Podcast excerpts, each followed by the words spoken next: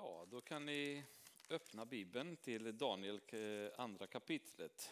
Eh, ni kommer ihåg att eh, vi stannade ungefär halvvägs i det kapitlet, eller en, en tredjedel av vägen ungefär i det, det kapitlet. Men vi bör hinna med allt annat under kvällen ikväll. Det som händer i första delen, det var ju om ni kommer ihåg att Daniel Eh, eller rättare sagt Nebukadnessar hade haft en dröm och eh, han bad alla de vise männen vid hans hov att eh, gissa drömmen och tolka drömmen åt honom. De var inte kapabla att göra det. Han sa att alla ska bort då. Och Arjok som var hans, hans hovmarskalk, han hade dratt iväg för att samla ihop alla de vise männen i Babylon och avrätta dem helt enkelt. Och eh, Daniel får reda på det och han säger till, eh, till eh, Ariok, Arjok, var snäll, ta mig till kungen, vi ska kunna lösa det här. Så han hade mött Nebukadnessar och be Nebukadnessar om lite tid så att han kan ta reda på vilken drömmen var och uttyda det. Så han går hem, sammankallar sina tre goda kompisar, Sadrak, Mesak och Abednego och eh, inledde de ett bönemöte och söker Gud kring eh, drömmen och tolkningen på drömmen. Och då kommer vi till vers 19. Då uppenbarades hemligheten för Daniel i en syn om natten. Och Daniel prisade himlens Gud och sade Lovad vare Guds namn från evighet till evighet, till vishet och makt tillhör honom. Han låter tider och stunder skifta. Han avsätter kungar och tillsätter kungar. Han ger de vissa deras vishet och de förståndiga deras förstånd. Han uppenbarar det som är djupt och fördolt. Han vet vad som finns i mörkret och hos honom bor ljuset. Dig, mina fäders Gud, tackar jag och prisar jag för att du har gett mig vishet och förmåga, för att du nu har uppenbarat för mig det vi bad dig om. Ty vad kungen ville veta har du uppenbarat för oss. Ehm, det är ganska ofta då Gud i Gamla Testamentet eh, har talat till människor genom drömmar. Eh, men ibland så har han talat till människor genom syner. Och i det här fallet så är det lite intressant för det är lite kombination av dröm och syn. Så att först har Nebukadnessar drömt. Så Gud har talat honom genom en dröm. Men när det gäller Daniel så, eh, alltså i många år, så jag, liksom, jag tänkte bara, ah, så har han gått och bett och så har han drömt uttydningen. Tills jag såg att det faktiskt inte stod att han drömt, utan han eh, eh uppenbarades hemligheten genom en syn. Eh, Och det är lite intressant att se hur och varför Gud ibland visar att tala till människor på olika sätt. Och ibland så, så försöker vi att hitta ett mönster. Hur talar Gud till oss?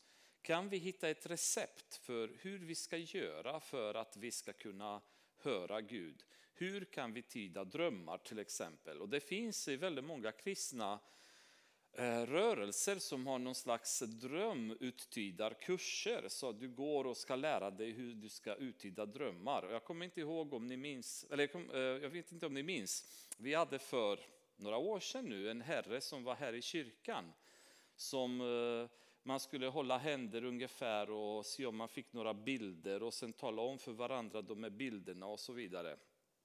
Om jag ska vara ärlig i min värld så är det här inget annat än hokus pokus. Eh, när Gud talar så vet vi att han gör det. När Gud skickar en dröm till oss Eh, ni kommer ihåg Nebukadnessars reaktion efter han hade drömt drömmen. Han, kunde, han var inte riktigt sig lik dagen efter. Han visste att det här var något utöver det vanliga.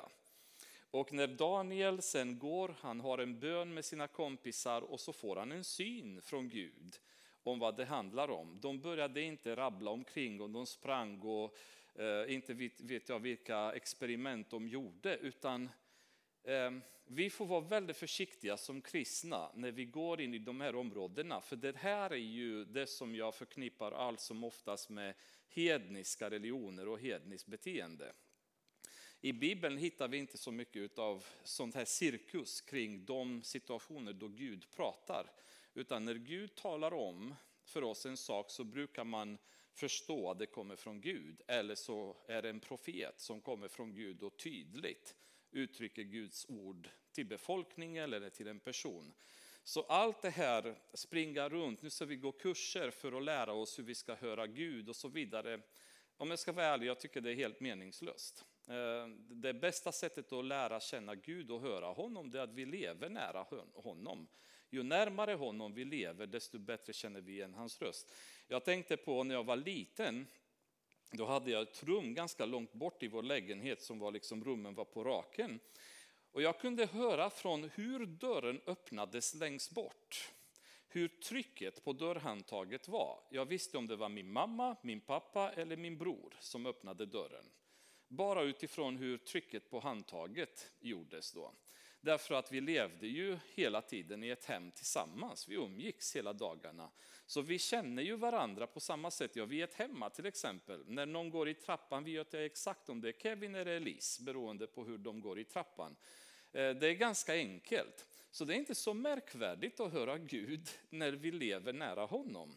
Och lever vi inte nära honom, det kvittar om vi börjar eh, ropa ramser, eller hoppa på en fot, eller hålla varandra i händerna och nina tillsammans, eller kramas eller gråter eller vad som helst. Det har absolut egentligen ingen betydelse.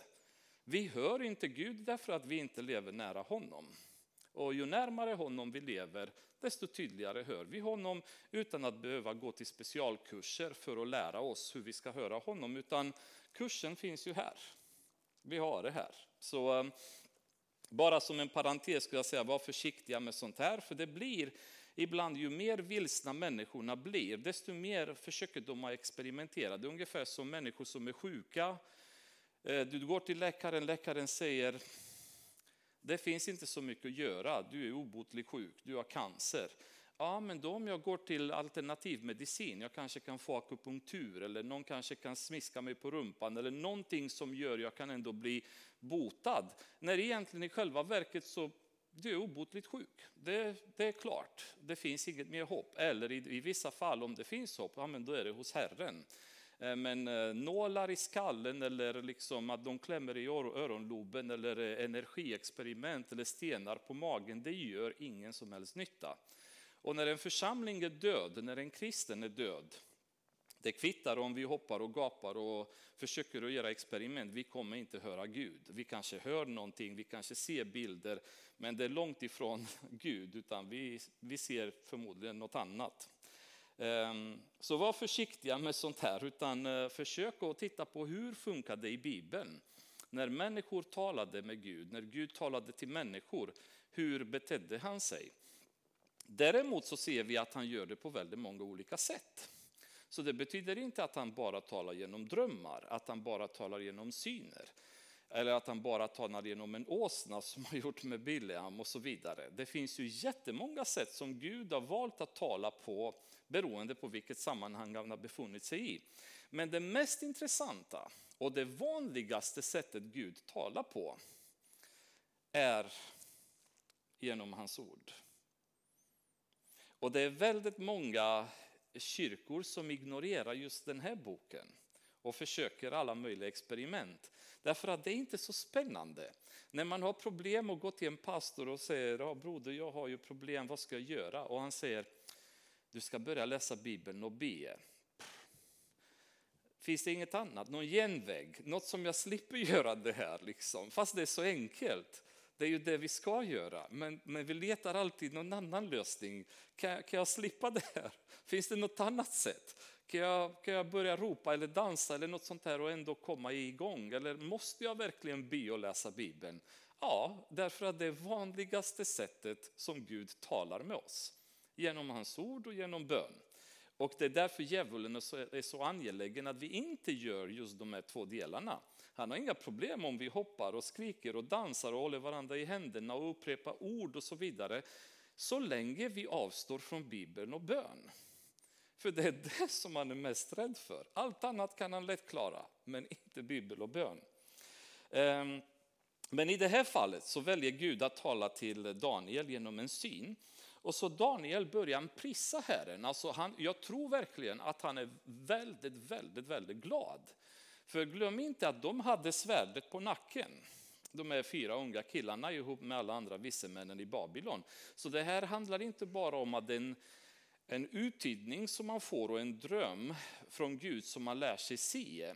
Utan han, han klarar livhanken helt enkelt, både han och hans kompisar. Eh, och det är jätteroligt att se hans spontana reaktion då han bara börjar prisa Gud.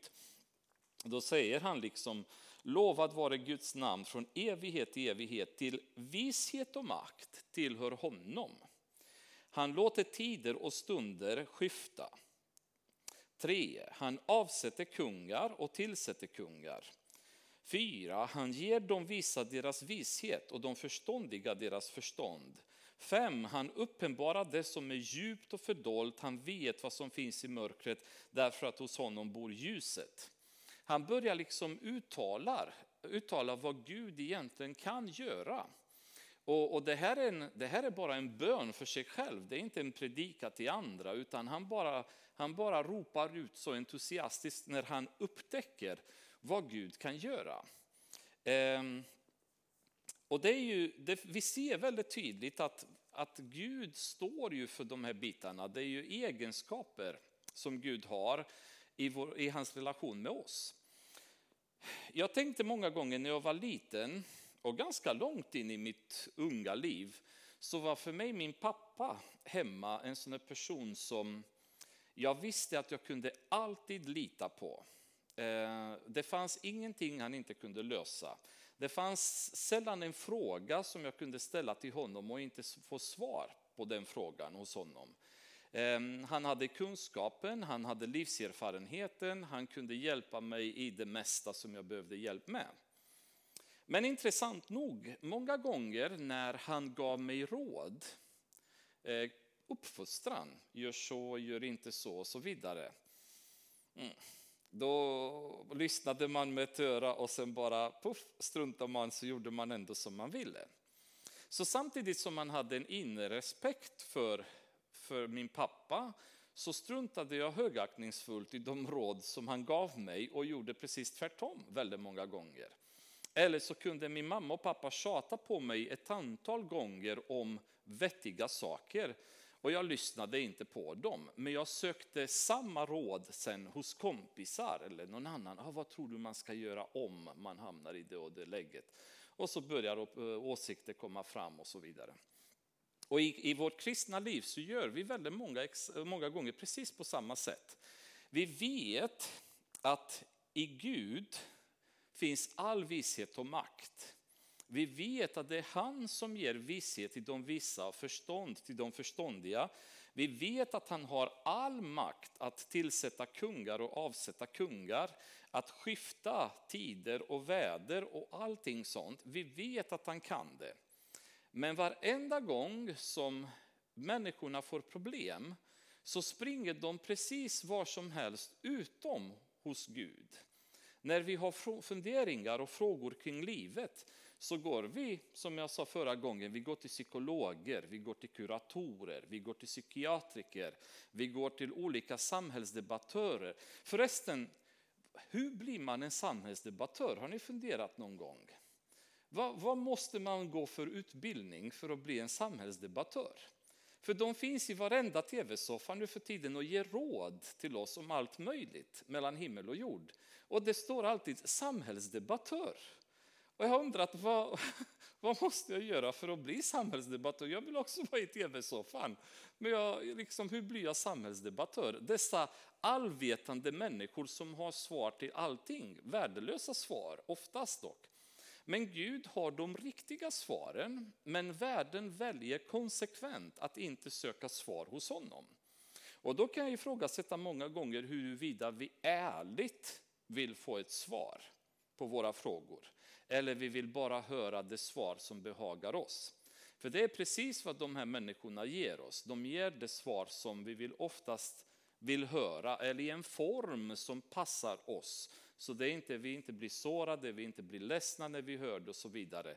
Medan Herren han ger oss ett ärligt svar med all kärlek.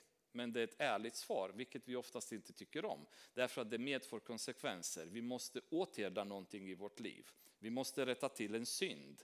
Vi måste gå tillbaka från en felväg som vi vandrar på. Vi måste sluta göra vissa saker som vi håller på med, som vi tycker är så roligt etc.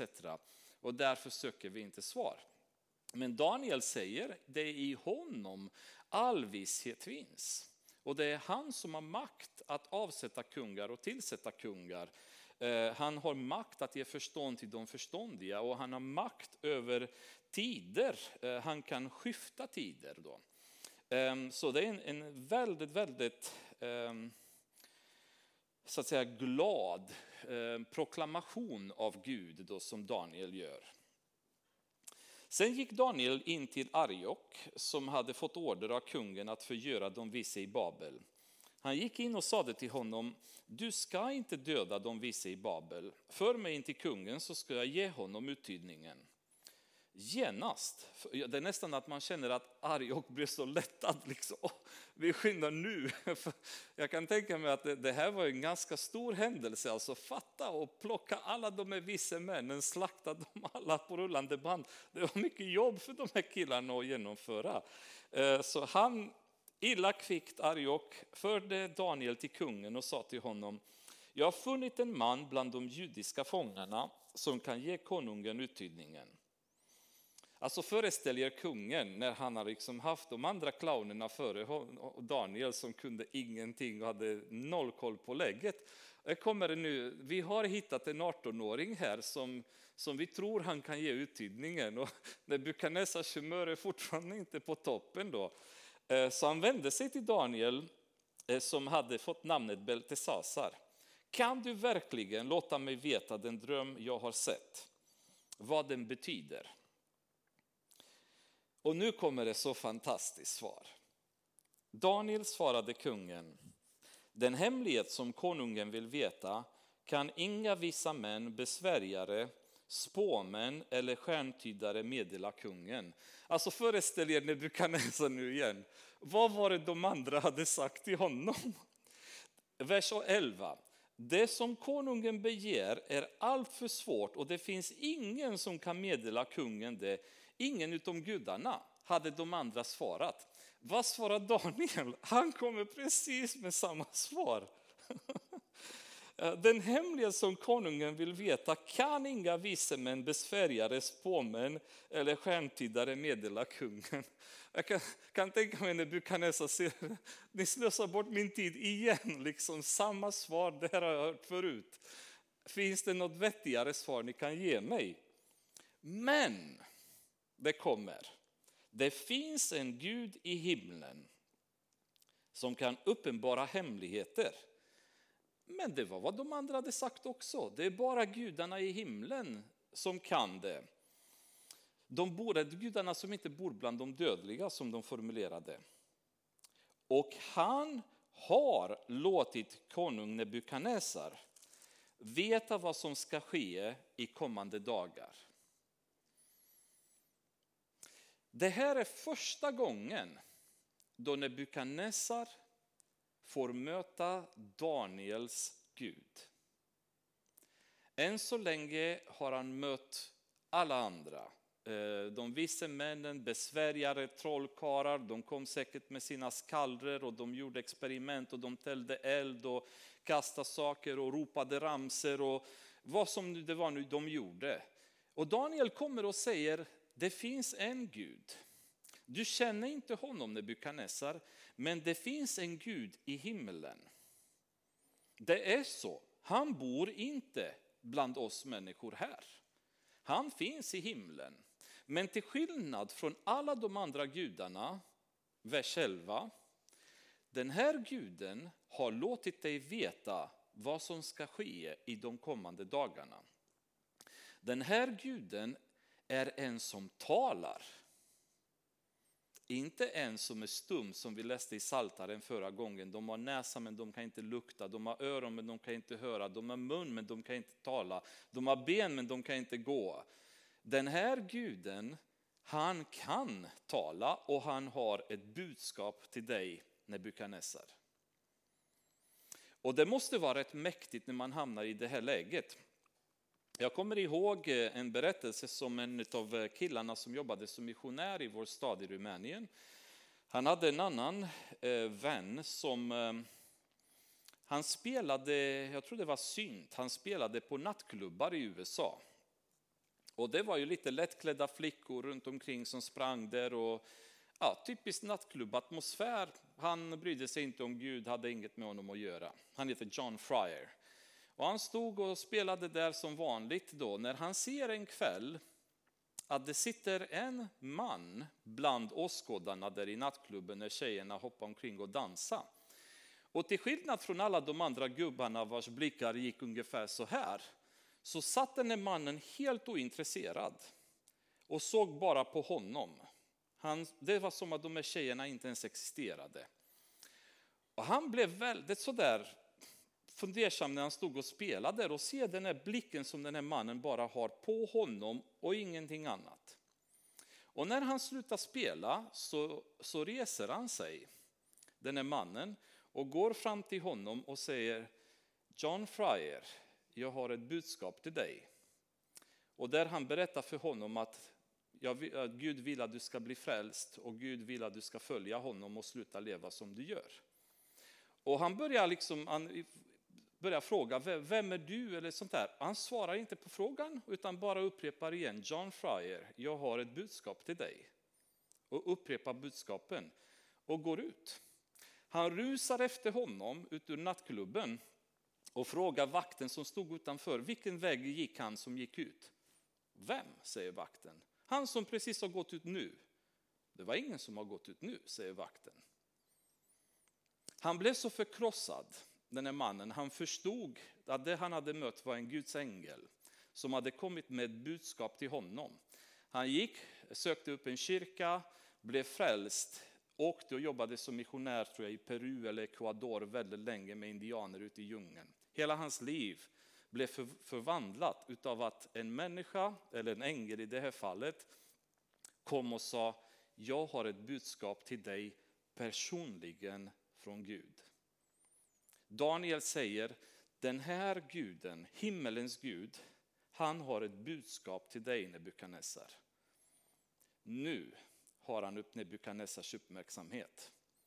Nu förstår Nebukadnessar att det här är annorlunda. Det här är inte som de här clownerna som har kommit till mig med massa idéer, massa filosofier, massa saker som de kunde och böcker de har läst. Det här är på riktigt. Det här är levande. Det här är inte en död Gud, det här är en levande Gud jag får möta nu. Daniel kommer nu direkt från anonymitet till full offentlighet. Han står inför, kunden, inför kungen och jag kan tänka mig att det står människor runt. Jag kan tänka mig att det fanns att Sadrak, Mesak och Abednego var med. Eh, det finns en del i texten som tyder på att de fanns ju med Daniel i det hela så står Daniel där och det första han gör det är att han tar fram Herren, han tar fram Gud och börjar prata om honom för Nebukadnessar. Första gången då Nebukadnessar får höra inom situationstecket evangeliet. Han får höra om den riktiga och den enda guden som fanns. Väldigt många gånger när kristna hamnar i offentlighetsljus så är tyvärr så att många kristna ryggar tillbaka från att inte vara för tydliga, inte vara för, för klargörande när det gäller Jesus. Vi har kristna sångare idag som sjunger i den sekulära världen. Då. Och kan sjunga sånger som är kanske ofarliga i texten. Det kan, det kan sjungas om kärlek och glädje, om vår, om sommar, om vad som helst, men inte om Jesus. Det är väldigt många som är sångare idag i den så att säga, sekulära världen som är kristna men som inte sjunger om Jesus. Det är väldigt många kristna politiker som inte har Jesus och Bibeln med sig in i politiken. Det finns kristna läkare, sjuksköterskor och undersköterskor som inte har med sig Gud i sitt arbete på ett tydligt sätt.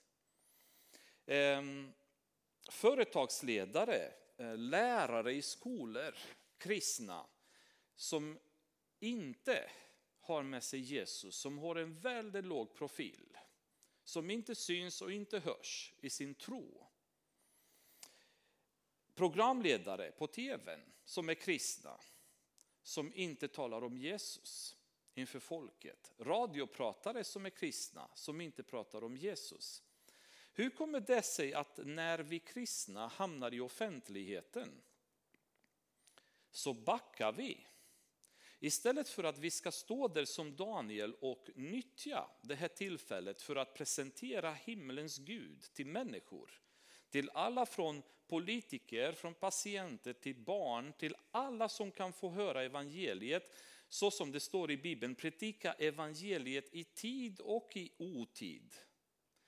Hur kommer det sig att det är så många kristna som bara håller en låg profil när man kommer i offentlighetens ljus? Det finns ju säkert flera olika anledningar. En är att man vill inte uppfattas som någon slags fanatiker eller galning. Eh, världen fattar inte hur vi tänker och vad vi står för, så ska jag dit och börja prata om Jesus, då sitter folk bara, va?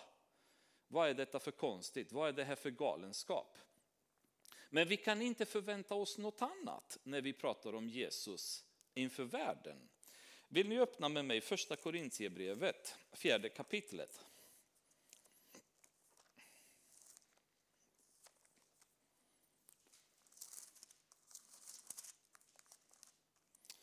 Pratar Paulus där, vers 9 och 10 kan vi läsa. Det verkar som om Gud hade ställt oss apostlar sist, som vigda åt döden. Vi har blivit ett skådespel för världen, för både änglar och människor. Vi är dårar för Kristi skull. Ni är kloka i Kristus. Vi är svaga, ni är starka. Ni är aktade, vi är föraktade. Vilken annan förväntan har vi? Förväntar vi oss att vi ska bli populära, att de ska ropa fantastiskt, vilken vishet du pratar med. Nej, vi kommer behandlas som, som galningar, som fanatiker, som dårar, därför att så har det alltid varit. Även Paulus har behandlats så där, apostlarna har behandlats så här. Vi kommer behandlas på exakt samma sätt, så varför är vi rädda att tala, om, tala om för människor om Jesus? När vi har den möjligheten att ha offentligheten ljus på oss, då ska vi bara sätta igång och börja nyttja tillfället för att prata om Jesus med människorna. Ehm, en sån här definition så har det kommit i vår eh, moderna värld att man ska inte blanda Gud och politik. Så de kristna politikerna som är aktiva, de är väldigt, väldigt försiktiga att blanda in eh, Bibeln och Jesus in i politiken. Och alla accepterar detta som att det, det är så det ska vara. Men är det verkligen så det ska vara? Står det någonstans i Bibeln att när man sysslar med politik så ska man lämna sin tro åt sidan? Eller ska tron följa med oss i allt vi gör, inklusive politiken? Eh, när vi sitter i riksdagen, när vi sitter i kommunfullmäktige, är vi där för att representera någon annan än Jesus? Är inte vi där för att representera Jesus?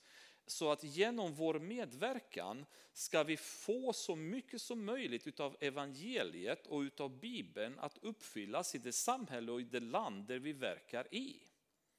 Vem har hittat på att om du är politiker så får du inte eh, använda Bibeln i ditt arbete som politiker?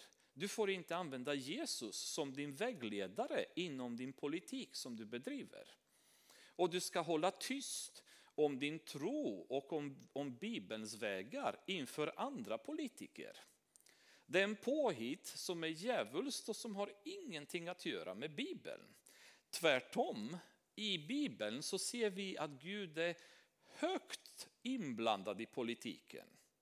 Hela tiden, genom hela gamla testamentet och nya testamentet så pratas det om vikten av att när du, är, när du är med och leder, då ska du leva på det och det och det sättet. Du ska vara ett exempel. Det pratas genom kungaboken, krönikeböckerna. Den här kungen gjorde det som var rätt i Guds ögon, den här kungen gjorde det som inte var rätt i Guds ögon. Det var väldigt viktigt för Gud att de som sysslade med politiken, kungar eller nämndemän eller ämbetsmän av olika slag, de följer honom. Och de gör hans vilja i den position där de är placerade. Men i vår moderna tid så har någon någonstans talat om för människor att kyrka och stat, det måste vara delat. Vi kan inte blanda tron in i politiken.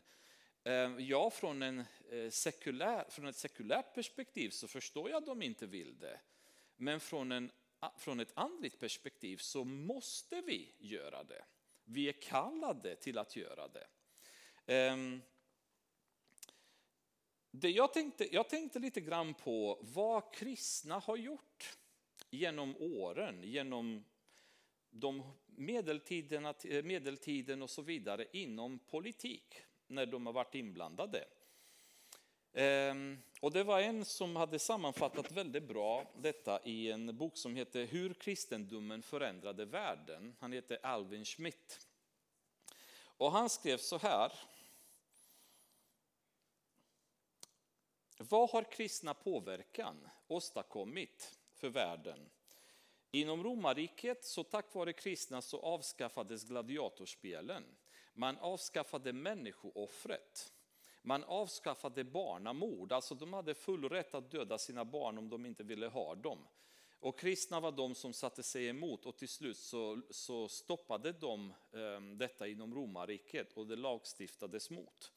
Man stoppade ehm, eh, vad heter det, eh, de här ehm, eh, tvinga, tvång till avgudadyrka. Så man lyckades införa att man inte var tvungen att dyrka andra gudar om man inte ville göra det.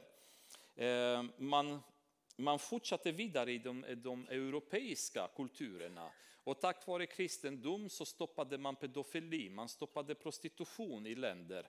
Man lyfte upp människornas värde i de länder där kristna befann sig. I modern tid tittar vi på Martin Luther King i USA som var huvud, eh, så att säga, mannen för hela medborgarrättsrörelsen och avskaffandet av rasdiskriminering i USA. Abraham Lincoln som var en starkt troende kristen är den som avskaffade slaveriet i USA.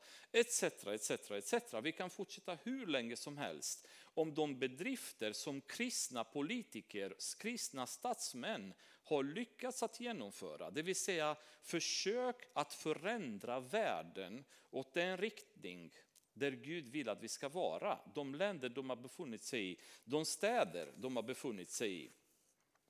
Eh, Jeremia 29 och 7 skulle jag vilja läsa. Det är en rätt så bra sammanfattning tycker jag på det. Där Gud säger så här. Och sök den stads bästa dit jag fört er i fångenskap och be för den till Herren. När det går väl för den går det också väl för er. När ni hamnar som politiker i en stad, i ett land, sök, det, sök dess bästa. Jobba med allt ni kan för att utveckla det åt rätt håll. Så eh, det finns ingen anledning för oss eh, som kristna att vara rädda att uttrycka våra åsikter inom politik. Eh, kommer vi vara gillade? Nej. Median kommer förmodligen korsfästa precis vilken kristen som helst som uttrycker sina åsikter tydligt inom politiken. Men det har inte med saken att göra. Det har att göra med att stå för, för Gud och våga ta de smällarna. Och inte vara rädd att jag blir klassad som dåre, fanatiker eller galning, utan jag är där för att representera Herren. Andra situationer eller andra orsaker till att vi inte vågar tala ut, det är att vi är rädda, vi skäms, eller vi vill inte förlora våra förmåner eller våra positioner i samhället, jobb kanske. Ehm, om det är fallet eh, så kan vi lyssna vad det står i Lukas evangeliet. Och då är det Jesus själv som pratar om detta. Kapitel 9, vers 26.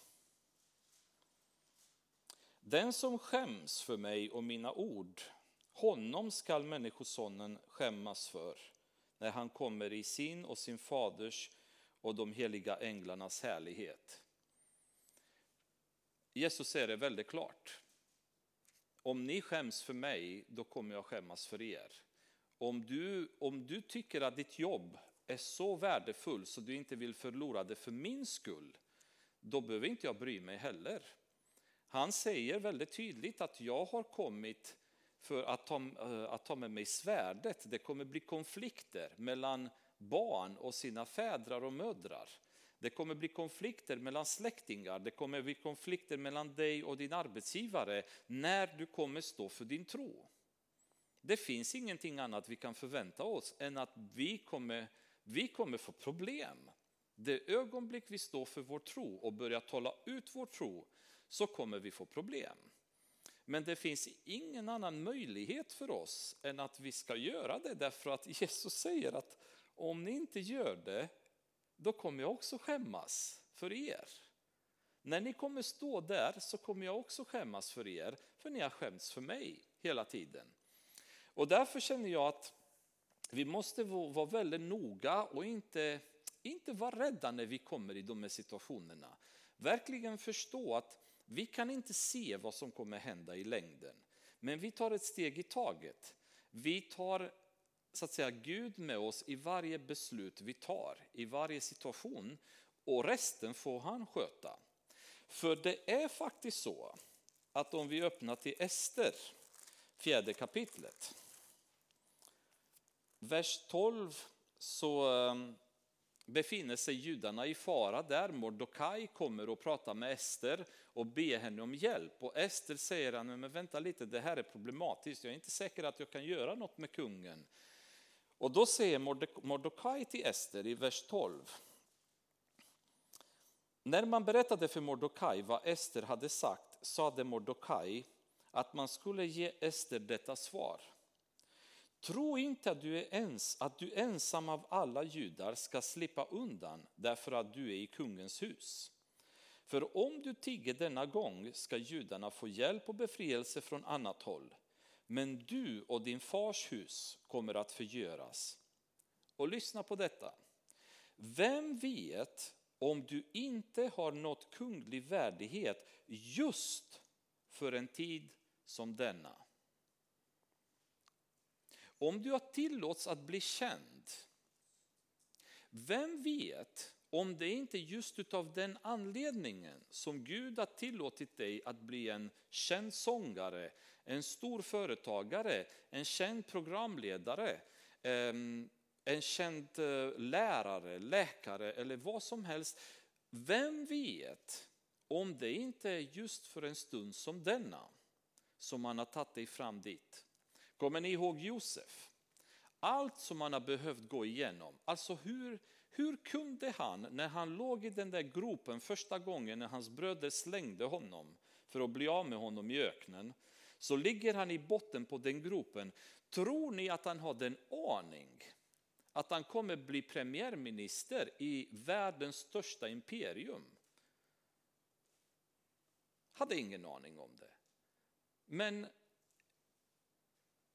vad är det chansen att det är just för ett sådant tillfälle, många, många, många, många, många år tidigare, så tillåter Gud Josefs bröder att slänga honom i en grop. Därför att ett antal tiotals år senare så var Guds plan att denna människa skulle rädda hela det israelitiska folket. När vi kommer till offentligheten då måste vi ha i åtanke att vi är fortfarande Jesu tjänare. Vi är inte där för att tjäna pengar, vi är inte där för att bli kända, vi är inte där för att åstadkomma mirakel i världsligt perspektiv. Vi är där för att göra Guds vilja. Och hans vilja måste igenom, genom vår sång, genom vår politik, genom vårt arbete, genom vår medverkan i program. Vad det är vi gör måste vi få igenom Gud. Måste vi få människor att höra talas om Jesus och evangeliet måste fram. Och Daniel står där inför kungen och börjar predika evangeliet för honom och säger Nebukadnessar, nu ska du få lära känna himlens Gud. Han som har ett budskap till dig om dagarna som ska komma. Detta var din dröm och den syn du hade på din bädd. När du och konung låg på din bädd började du tänka på vad som kommer att ske i framtiden. Och han som uppenbarar hemligheter lät dig veta vad som ska ske.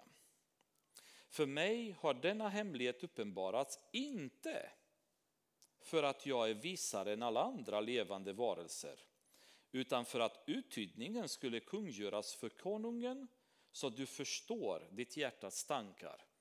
Med andra, med andra ord, vad Daniel säger till Nebukadnessar är jättehäftigt. Han säger Nebukadnessar, det jag säger till dig nu har inte med mig att göra. Det jag säger till dig är enbart för att Gud bryr sig om dig. Han ville tala till dig och det är därför den här drömmen har kommit. Det har inte att göra med att jag är märkvärdigare än alla andra, smartare, även om vi vet att han var tio gånger smartare än de andra. Men Daniel sa, det har inte med det att göra. Det här är bara för att Gud har ett budskap till dig Nebukadnessar. Så lyssna. Du och konung såg i din syn en stor staty framför dig och den var hög och dess glans överväldigande. Den var förskräcklig att se på. Huvudet av statyn var fint guld, bröstet och armarna av silver, buken och höfterna av koppar. Benen var av järn och fötterna delvis av järn och delvis av lera. Medan du såg på, på den revs en sten loss, men inte genom människohänder. Och den träffade statyns fötter av järn och lera och krossade dem. Då krossades allt sammans. Järnet, leran, kopparn, silvret och guldet och allt blev som agnar på en tröskloge om sommaren. Och vinden förde bort det så att man inte längre kunde finna något spår av det. Men av stenen som hade träffat statyn blev det ett stort berg som uppfyllde hela jorden. Detta var drömmen och nu vill vi säga konungen vad det betyder. Du och konung, konungarnas konung, som himlens Gud har givit rike, väldighet, makt och ära. Nu börjar Daniel igen. Han berättar drömmen, vid det här laget då har han Nebukadnessars uppmärksamhet. Alltså fatta vad han har väntat på att någon ska tala om för honom vad han har drömt. Och när man ser det här så förstår man lite grann, alltså, nu, nu pratar vi igen Nebukadnessar. Den här killen var ju världens härskare på den tiden. Och han, han blev totalt mörskakig efter den där drömmen. Eh, där han plötsligt är liten och uslig och eländig efter den han får den här synen. Och det intressanta är om man tänker lite grann att den här statyn har han inte sett någonstans långt bort. Utan det står i, i, i början, vers 31, du såg i din syn en stor staty framför dig. Så när Bukaneser låg ungefär vid fötterna av den här statyn och lyfte blicken och ser den här enorma varelsen som bara glänser. Och han fattar ingenting annat än att han blir dödsskakig och kan inte sova på nätterna. Eh, och Daniel äntligen får fram drömmen och talar om för Nebukadnessar nu igen, du är konung, konungarnas konung som himlens Gud, alltså den här himlens Gud som jag talat om för dig i vers 28. Den här guden har gett dig rike, väldighet, makt och ära. Jaså, jag trodde att jag hade jag fixat det själv. Jag har ärvt det från min pappa, jag har stridit, jag har byggt upp min karriär. Jag har gjort allt det här själv och Daniel säger nej. Allt det här har du fått utav himmelens Gud. Och det är väldigt intressant också när man möter människor som tror att, att de har gjort jättemycket så, så märker man att de eh, många gånger har en viss kontemplativt sätt att se tillbaks på sin karriär. Alltså de har ju förklaringar till finansiella mekanismer som gjorde att de har blivit rika och så vidare. Men många gånger så finns en slags existentiell funderan hos dem som att eh, ja, alltså ja, jag gjorde det bra men det var ju det är nästan som att det var något mer. Det, det, skulle inte varit möjligt. Det, det gick för lätt många gånger. Det, det, måste varit något annat. Och det är väldigt många som inte förstår detta att det var himlens Gud som har hjälpt dig. Och Nebukadnessar var en nobody i Guds ögon egentligen. Han, han var ju en hednisk kung, han var inte jude, han tillhörde inte Guds folk. Men ändå så brydde sig Gud om honom och hade gett honom rike och makt och ära. Och Daniel redan alltså Tänk på detta, liksom. varför, ska han, varför ska han berätta det? Han kan skippa det här med evangelistiska snacket och bara gå rakt in i drömtydningen, för det är därför han var där. Men Daniel passar på och talar om för Nebukadnessar, Nebukadnessar lyssna lite grann här. Det du har fått har du fått av Gud. Du har fått makt och ära och väldighet. I din hand har han gett människorna, djuren på marken och fåglarna under himlen var de än bor. Och han har satt dig till herre över allt sammans. Så hela tiden, han har gett, han har satt dig. Du är det gyllene huvudet. Men efter dig ska det uppstå ett annat rike, obetydligare än ditt, och därefter ett tredje rike av koppar och det ska regera över hela jorden. Det fjärde riket ska vara starkt som järn, för järnet krossar och slår sönder allt. Så som järnet förstör, förstör allt annat ska också detta krossa och förstöra. Och att du såg fötterna och tårna vara delvis av krukmakarlera och delvis av järn, det betyder att det ska vara ett splittrat rike men med något av järnets fasthet. Du såg ju att det var järn blandat med lerjord. Att tårna på fötterna var delvis, att delvis var av järn och delvis av lera betyder att riket ska vara delvis starkt och delvis svagt. Att du såg järnet vara blandat med lerjord betyder att människor ska blanda sig med varandra genom giftermål men att de inte ska hålla samman, lika lite som järn kan förenas med lera.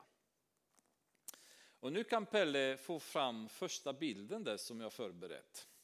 Eh, Daniel säger till Nebukadnessar att det gyllene huvudet som den här statyn har, det är du.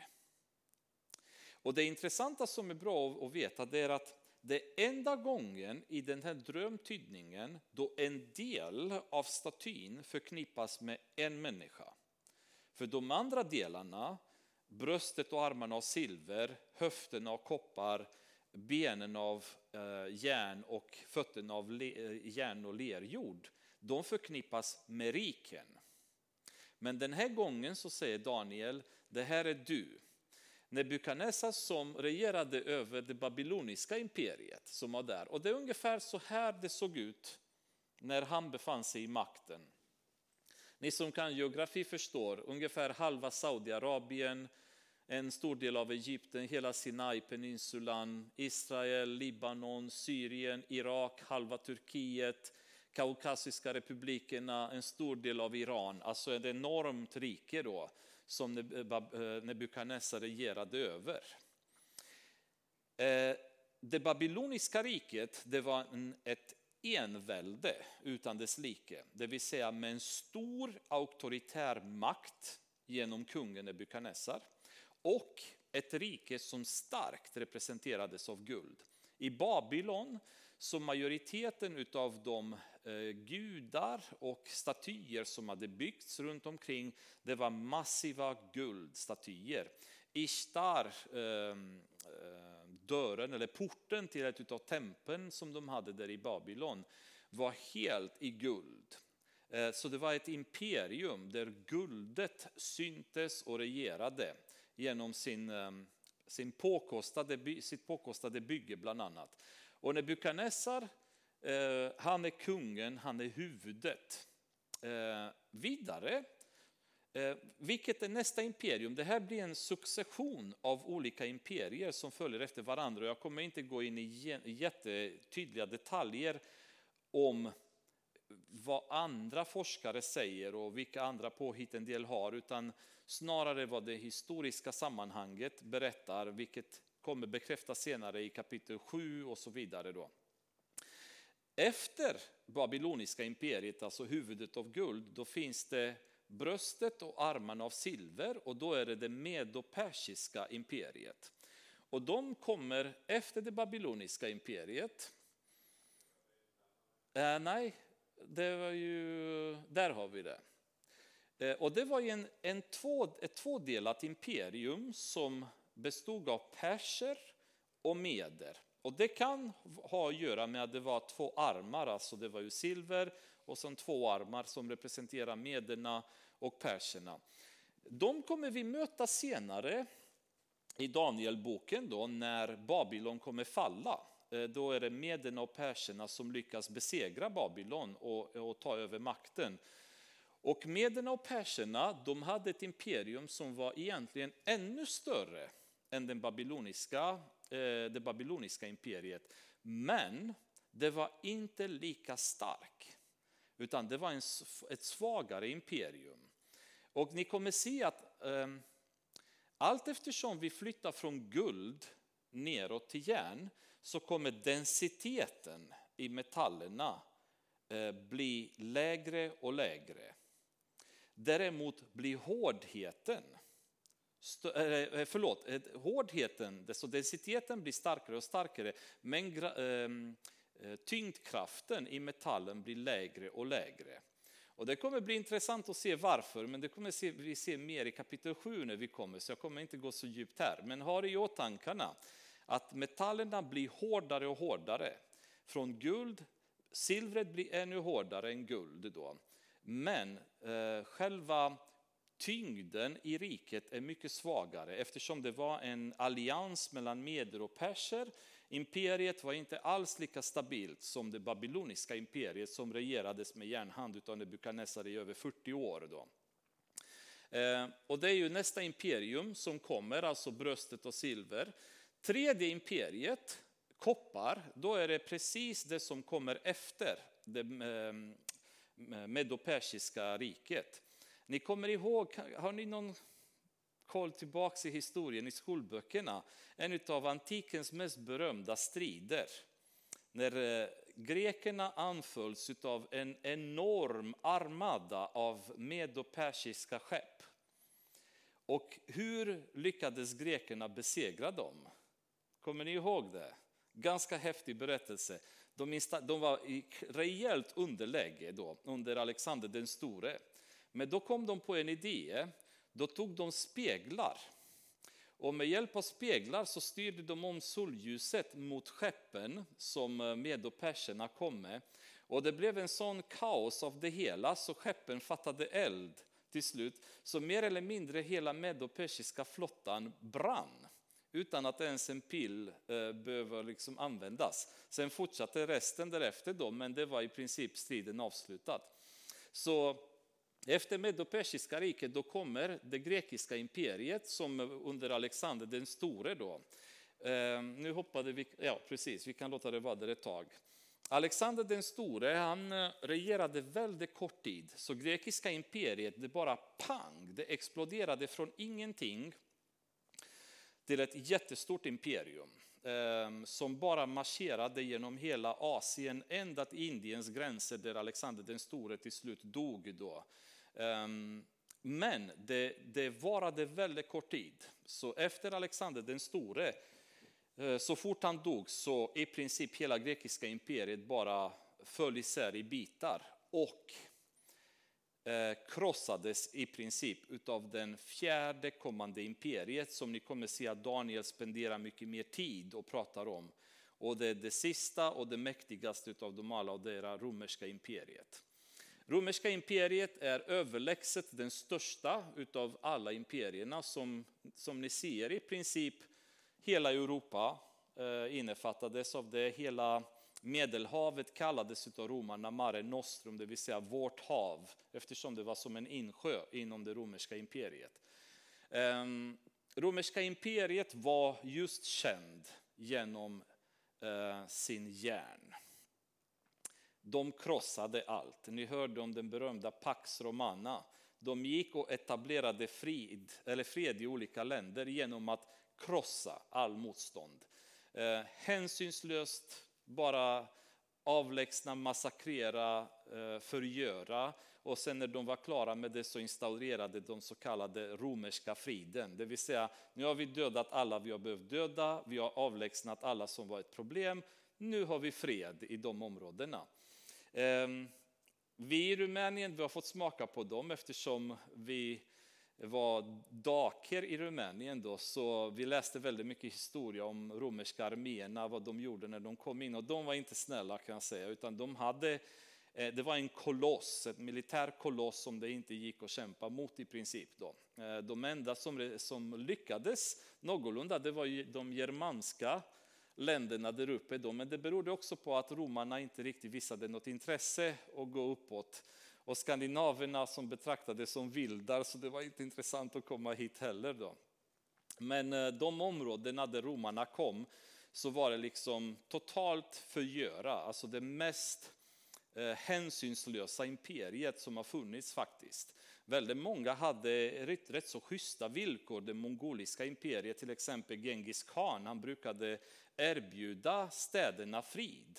Och om man tackade ja och eh, gick med på att vi lägger ner vapnen, vi fortsätter att leva som vi gör och bara betalade lite skatt, då var han nöjd och gick vidare.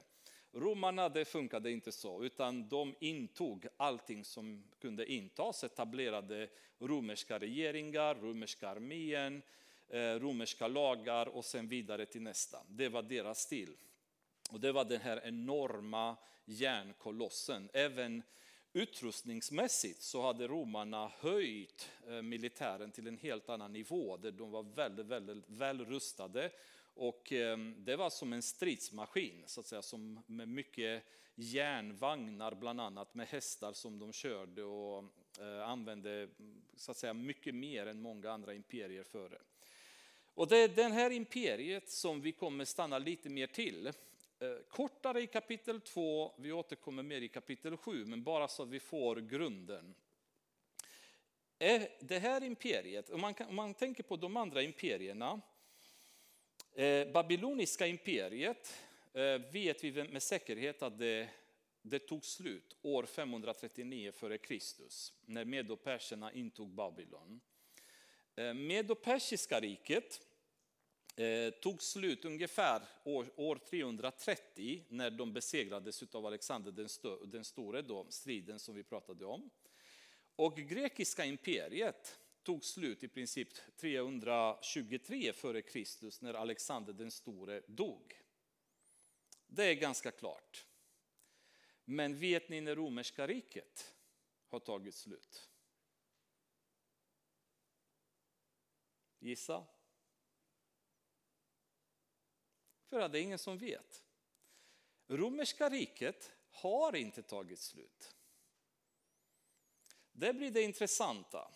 Romerska riket är det enda imperiet i världen som aldrig någonsin besegrades av ett annat land eller ett annat imperium. Utan det romerska riket gjorde efter att eh, var den stora militära järnkolossen, den delades i två. Och det var östliga imperiet med huvudstaden i Konstantinopel och västliga imperiet med huvudstaden i Rom. Kan det vara så att det är ju de två benen i Daniel? Det vet vi inte, men det kan vara en tanke. Men det som hände därefter genom medeltiden, det är att romerska imperiet började splittras i massa små länder som fortfarande mer eller mindre tillhörde det gamla romerska imperiet. Många europeiska makter inom medeltiden fortfarande betraktade sig själva som det romerska imperiets makter. Och alla dessa länder sen har fortsatt oberoende av varandra eller beroende av varandra att existera. Hela europeiska systemet är byggt enligt romarrikets lagar.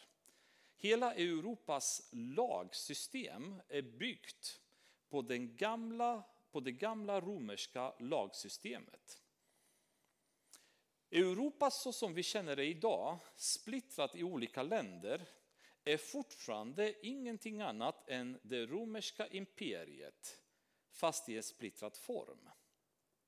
Eller är det splittrat? För nu har vi någonting som heter den Europeiska unionen.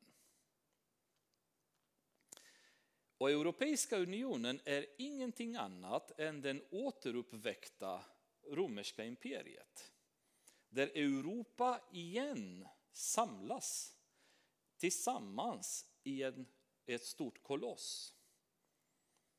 Daniel säger att den, den här imperiet det har krossat allt annat.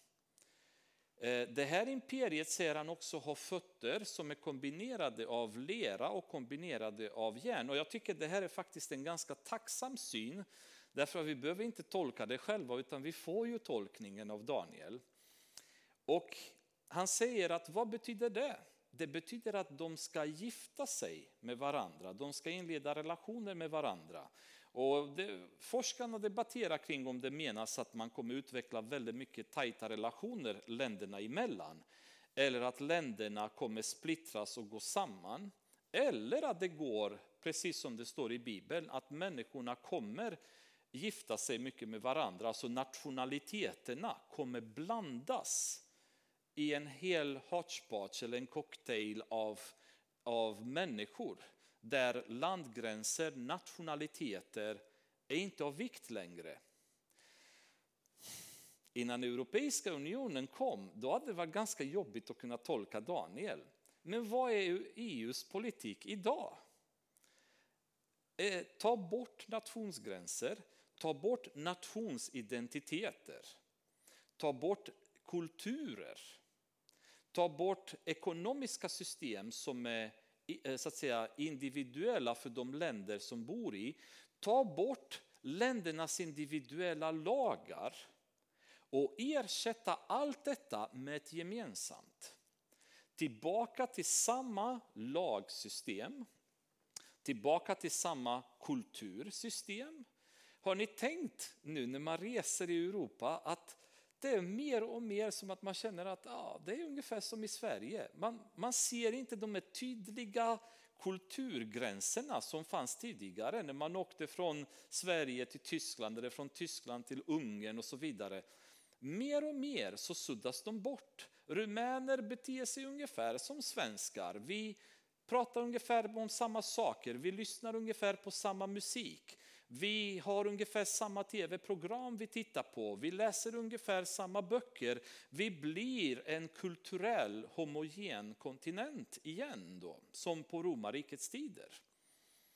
Så det som händer just nu i Europa det är återuppbyggandet av det här romarriket. Där länderna nu börjar komma samman, där kulturerna börjar gå, gå tillsammans. Då. Och det är ju interkulturella blandningen också. Våra politiker skriker hela tiden om hur viktigt det är med mångfald idag. Det är nästan som en religion, har ni tänkt på det? Det skriks från alla möjliga politikerstolar hur viktigt det är med mångfald. Är det det? Jag tror inte det är så viktigt. Men det är väldigt viktigt om vi vill skapa en homogen kontinent. Där vi ska kunna börja gifta oss med varandra. Nationaliteter existerar inte, utan vi gifter oss med varandra, vi skapar en, en kulturell meltdown som de säger på engelska. Men Daniel säger det är just det här som är deras svaghet. Den här kombinationen av järn med lera, det är där svagheten är. Det är där Akilles hälen är för statyn. Och det är där det kommer hända saker, säger han därefter. Ehm, det som också händer nu, som är ännu mer skrämmande i, i så att säga, vägen mot det romerska riket, det är etablerandet av, etablerandet av en europeisk militärmakt. Det pratas jättemycket nu inom EU att det ska eh, samlas eller det ska eh, sättas igång helt enkelt arbetet med att skapa en europeisk armé. Ja, det är ungefär det enda som saknas, för allt annat finns på plats. Ekonomiska systemet styrs från Bryssel, regeringarna styrs från Bryssel, eh, kulturen styrs från Bryssel. Det är bara militären som fortfarande inte styrs helt och hållet från Bryssel. Men det kommer att bli inom kort, om de får så som de vill. Ehm, och Daniel säger liksom att det här imperiet, det kommer vara större och mycket mäktigare än alla de andra. Men nu är det så här med Bibeln, profetia, om man tänker, tänk att det är massa berg, berg och dalar och berg och dalar och Daniel står ungefär här. Han ser i framtiden då. Han ser inte alla dalarna som finns mellan bergen utan han ser en, alltså en sekvens av händelser en efter en efter en. Så ur biblisk synpunkt många gånger när profetior görs så ser man inte att mellan en profetia och en annan så kan det vara 500 år emellan eller 1000 år emellan eller ännu mer emellan. Därför att profeten ser sekvensen av händelser som, som Gud ger det till dem. Och inte nödvändigtvis alla dalar emellan och vad som händer där. Och det Daniel pratar här, det, han säger att plötsligt en sten kommer loss, men inte av människohand, och slår precis i fötterna på den här statyn. Den här stenen är utan tvekan Jesus, som kommer från Gud utan någon mänsklig inblandning och slår mot, det här, mot den här statyn. Där statyn är som svagast i fötterna. Och hela alltet rasar samman och så blir det bara pulver av det. Och ska det bli pulver av guld, av guld så är det inte jättelätt och inte av silver heller. Så det talar om vilken extrem mäktig kraft den här stenen har som slår mot fötterna och förvandlar allting till pulver.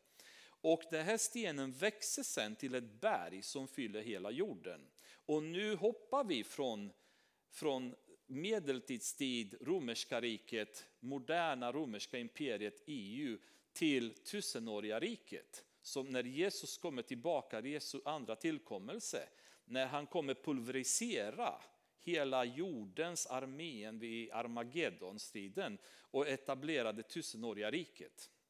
När hans rike kommer sprida sig över hela jorden när han kommer ta bort allt som heter Babylon, Rom, allting kommer försvinna och då kommer ett rike som kommer fylla hela jorden. Så som Daniel säger, den här stenen kommer växa över hela jorden och etablera sig. Men i de kungarnas dagar, och det är också intressant. Daniel säger i de kungarnas dagar, det vill säga under den tid då lerfötterna och järnfötterna fanns. Det är flera kungar då. Det är inte bara en.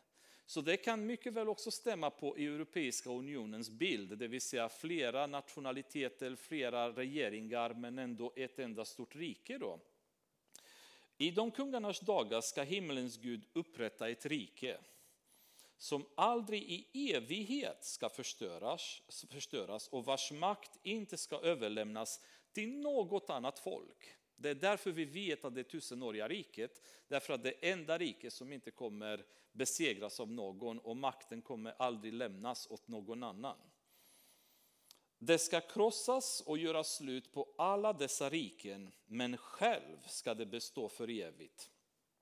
Du såg ju att en sten revs från berget, men inte genom människohänder, och att den krossade järnet, kopparn, leran, silvret och guldet. Den store guden, den här himmelske guden, nu igen Nebukadnessar som jag talat om för dig, har nu uppenbarat för kunden, kungen vad som ska ske i framtiden och drömmen är sann. Och uttydningen tillförlitlig. Ja, jag gillar det här på slutet. Alltså Nebukadnessar, den här drömmen är sann och uttydningen är tillförlitlig. Det här kan du lita på.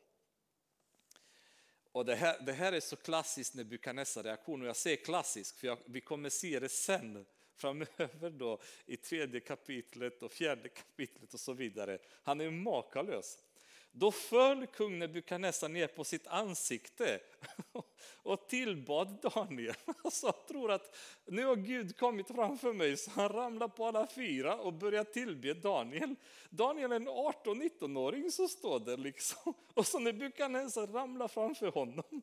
Tillbad Daniel och, och, och hör och häpna, befall, befallde att man skulle offra matoffer och rökelseoffer åt honom. Så det är precis som att han skulle vara Gud. Liksom. Nu ska vi offra åt Daniel och Daniel säger till honom hela tiden, Nebukadnessar, stoppa det i skallen på dig, det är inte jag och det har inte med mig att göra, utan det är himlens Gud. Det enda han pratar om Daniel hela tiden. Gud, himlens Gud, Gud, den allsmäktige Guden. Och vad gör Nebukadnessar? Han börjar tillbe Daniel och börjar tända eld och rökelser till Daniel. Liksom. Han är ju så fantastisk, men ni kommer se sen framöver, för han kommer göra det här senare igen. Då. Så han, han har en passion för att tillbe Daniel. Liksom. Och kungen sa till Daniel, er Gud är i sanning en Gud över andra gudar, en herre över kungar och en som uppenbarar hemligheter eftersom du har kunnat uppenbara denna hemlighet. Alltså nu har han en riktig uppenbarelse. Han fattar liksom att din Gud är på riktigt Daniel. De här andra clownerna kunde inget. De hade noll koll och deras gudar var värdelösa. Men din Gud verkligen kan det här. Därefter upphöjde kungen Daniel och gav honom många stora gåvor och satte honom till herre över hela Babels hövdingdöme och till högste föreståndare för alla de vise i Babel. På Daniels begäran utsåg kungen Sadrak, Mesak och Abednego att förvalta Babels hövdingdöme, men Daniel själv stannade vid kungens hov. Denna kompromisslösa tonåring som tre år senare bestämde sig att inte förorena sig, att inte kompromissa i sin tro, som stod fast vid sin tro i alla situationer. Vid 18, 19, 20 års åldern, vi vet inte exakt hur gammal han var, blir premiärminister i världens största imperium. Snacka om att Gud vet hur han ska återgälda de som står fast vid honom. De som inte ger upp, de som inte kompromissar. Det finns alltid belöning som kommer från Gud. Vi kanske kommer inte bli premiärministrar, men det kommer bli något annat som Gud kommer belöna oss med för, för lång och trogen tjänst. Men den här mannen, han blir nu utvald till att leda hela Babylon, andra mannen efter Nebukadnessar kan man säga, och hans kompisar styr kungadömen då på plats, kan man säga som guvernörer kan man, kan man anta att de har blivit. Ganska snabb klättring. Tre år senare, en fånge i desperat situation på väg från Israel mot Babylon, tusentals kilometer i misär, kommer till Babylon, hamnar i en väldigt svår dilemma. Ska jag, ska jag inte kompromissa mig? Väljer att följa Gud. Tre år senare är han premiärminister i världens största rike. Herre, vi tackar dig för att ha sådana exempel i ditt ord. Människor som står fast vid dig, som inte ger upp och inte kompromissar. Herre, jag ber att du påminner oss var och en eh, både när det gäller små synder och små kompromisser, likväl stora. Att aldrig, aldrig ge upp och följa dig, Herre. Låt oss få vara ett ljus på de ställen vi befinner oss. Om det är jobb eller är det politik eller var du har lagt oss, Herre, i mer eller mindre offentlighet. Låt oss få alltid tala ut ditt namn, Herre Jesus. Låt det få synas att vi följer dig Låt det få höras, Herre, att vi, vi predikar dig. Låt, låt människor få förstå att här finns det en källa av vishet, en källa som kommer från himlens Gud, Herre. Inte från oss, inte från vår märkvärdighet och vishet, utan det kommer från dig, Herre Jesus. Välsigna var och en som är här ikväll med denna vishet och denna kraft, Herre, från dig, så att grannar kan höra dig när de öppnar munnen, Herre. Arbetskamrater kan höra dig när de öppnar munnen. Och eh, klasskamrater kan höra dig, Herre Jesus. Lärare kan höra dig. Människor var vi än befinner oss, Herre. Låt det vara starten för något gott i våra liv. Och låt det få vara ett kompromisslöst liv vi ska leva framöver. I Jesu namn. Amen.